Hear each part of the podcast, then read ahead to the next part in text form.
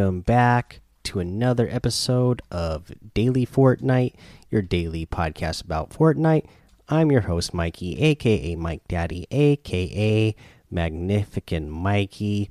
And uh, we got to get to a little bit of news, of course. So there was a another small maintenance patch that was released today for PlayStation 4 to address performance. It looks this like this is for uh, frame drops. They said we're aware of reports of FPS drops since version 12.0 and are working on improvements. So they got that out for PS4, and then a little bit later on.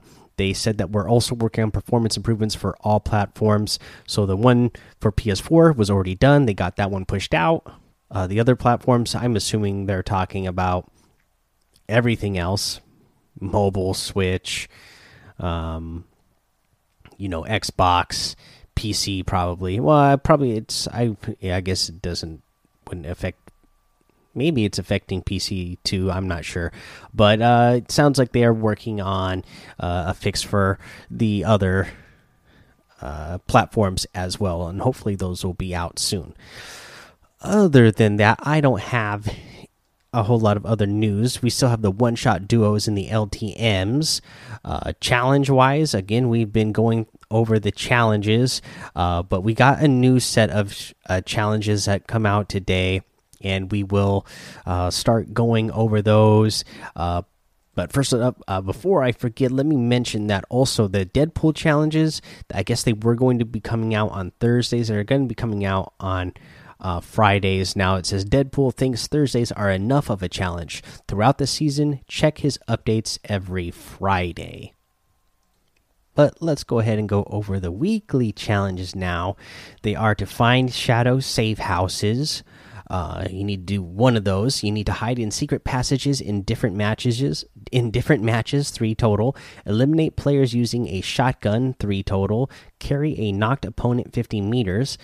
Uh, you need to deal damage to players from below 250. Open chests locked by an ID scanner. You need to shake down a knocked henchman in different matches, three total. Eliminate players at Craggy Cliffs or Weeping Woods, three in total. You need to find Deadpool's milk carton and chimichangas. Uh, let's see here. Uh, that's the Deadpool one, but I think that might be a little early release. I'm looking at the list here from uh, Squatting Dog. And then we have the deal damage with shotguns to players while in the air 200 and harvest 500 wood, three, 400 stone, and 300 metal. Okay, uh, going through over the list here, I'll go over this one first, and I'll kind of give away uh, my drop spot uh, that I've been going on the last week while I've been playing in arena, and I've been doing really well there. Uh, I always come out of this area with full wood, stone, and metal. Um, remember, you only get 500 of each in competitive in arena, and uh, it's got a faster harvesting rate over there. But I always come out full over there, so I'm sure you can do pretty well even in casual matches. Uh, but I like to go land over there all the way in G1 on the north end of the map. There, there are three houses that are on a cliff. They're all kind of broken down, uh, but there's a ton of chests in the house. There's a chest outside of one of the houses. Then there's a chest down below on the beach. But in these areas, there's plenty of woods. There's some really big, you know, the big rocks that you get over a hundred stone for when you uh, or brick for when you break those. You know, those are normally like a hundred brick in casual mode even. Uh, when i play in arena they're like 150 brick. Um, and there's there's a handful of those over there so you can get a ton of brick over there easily. Uh, plenty of wood. There's trees there's fences there's the, the houses themselves. And then over there along the there's a couple of cars inside the houses like there's a, a, truck outside there's a couple of cars that are in a couple of the garages of the houses and then down by the beach there are uh, there's like a car that is like rusted in the sand, and then there's a couple of cars that are uh, hooked up to trailers for boats down by the beach, so you can get the metal from those cars as well, and as well as the trailers that's holding on. And then if you go over to you know if for some reason you still haven't gotten enough, there's plenty of more uh, metal and brick still in G1, but in that little uh, cove area on the south side of G1, like getting closer to Steamy Stacks in that little uh, alley there uh, on that beach.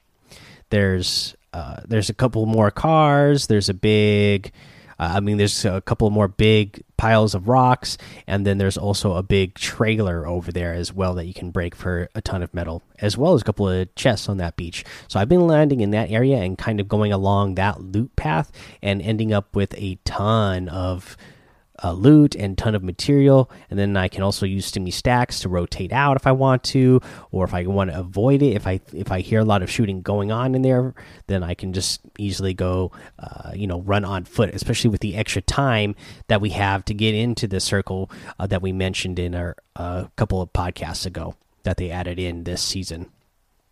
Uh, so that uh, you know that's a challenge tip as well as a little bit of a gameplay tip, I suppose that uh, I'm giving you for uh, for competitive if that's something you're doing this season.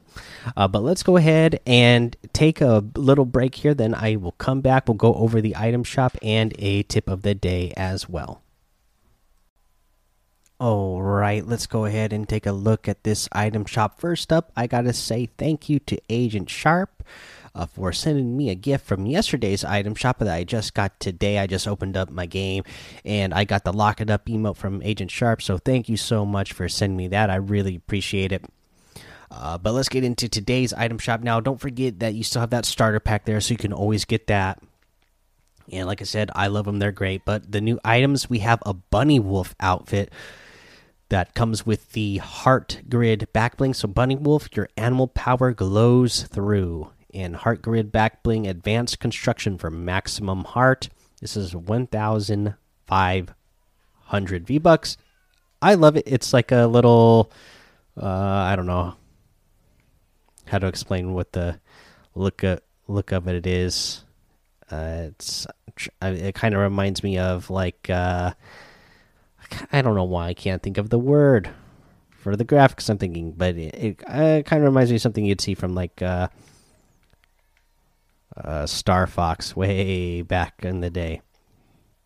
Uh, but anyways, this is a reactive skin, so it actually uh, changes between when you have a uh, your weapon out and your uh, pickaxe out. So uh, it it'll change from the from neon bunny to neon wolf. When you when you switch between your pickaxe and your weapon. So that is pretty cool uh, way that they did that there. Uh, I like the both both the look of the bunny and the wolf, so I think it's really cool. And then uh, we have the uh, Llion outfit, lion spelled with two L's. Prowl the neon knight, and it comes with the diamond grid back bling, high tech and high stakes. Same thing here. Uh, it's a reactive skin changing with the idea of when you have your pickaxe and your weapon out. First up, you have the neon llama, and then it changes into, you guessed it, a lion. Uh, so, a uh, pretty neat uh, concept for the way these outfits change and are reactive. This is also 1,500. Uh, I really think this is a cool little uh, set here and cool concept that they got going on with this. You have the Hush outfit that comes with the black stripe back bling for 1200 i really like this one as well. The silent strike harvesting tool for 500 and the weathered black wrap for 300 we have the shadow ops outfit that comes with the prospect back bling for 1500 uh, the swamp soccer outfit for 800 the business hips emote for 500 the cap kick emote for 200 the overdrive emote for 500 and a new neonimal is how i'm going to say that neonimal uh, wrap. Uh, and this, you know, it just looks like the style of the two new outfits. That is for 500, and you can get any of these items, of course, using code Mike Daddy M M M I K E D A D D Y in the item shop to help support your show. So, since we kind of talked about uh, competitive earlier, and one of the challenges uh, getting mats, you know, it's very important to have uh, max mats as often as you can in arena. And right now, uh, if you play arena, the decoy grenades, when the decoy uh, dies, it drops mats. Uh, so uh, I noticed it doesn't do that in in in casual play. So I don't know if that's something that was meant to happen, uh, but it is a nice little way to get more mats when you're playing competitive in arena. So if you're if you're into playing arena this season, like I, I'm getting back into it, then definitely whenever you come across a decoy grenade and you're not at max mats, uh, pick them up and throw them down so you can get yourself some more mats. Or if you have an open slot towards the end of a match, or you're just in desperate need of mats, uh, pick them up and throw them down real quick. Uh, that way you can uh, get the material and the the and remember the decoys they will run away from you so it's best to do this when you are you know in a room or if you at least have enough mats to uh,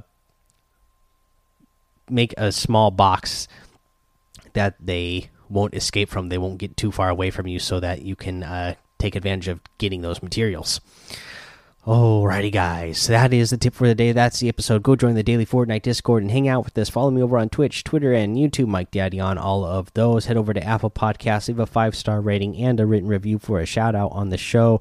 Make sure you subscribe so you don't miss an episode. And until next time, have fun, be safe, and don't get lost in the storm.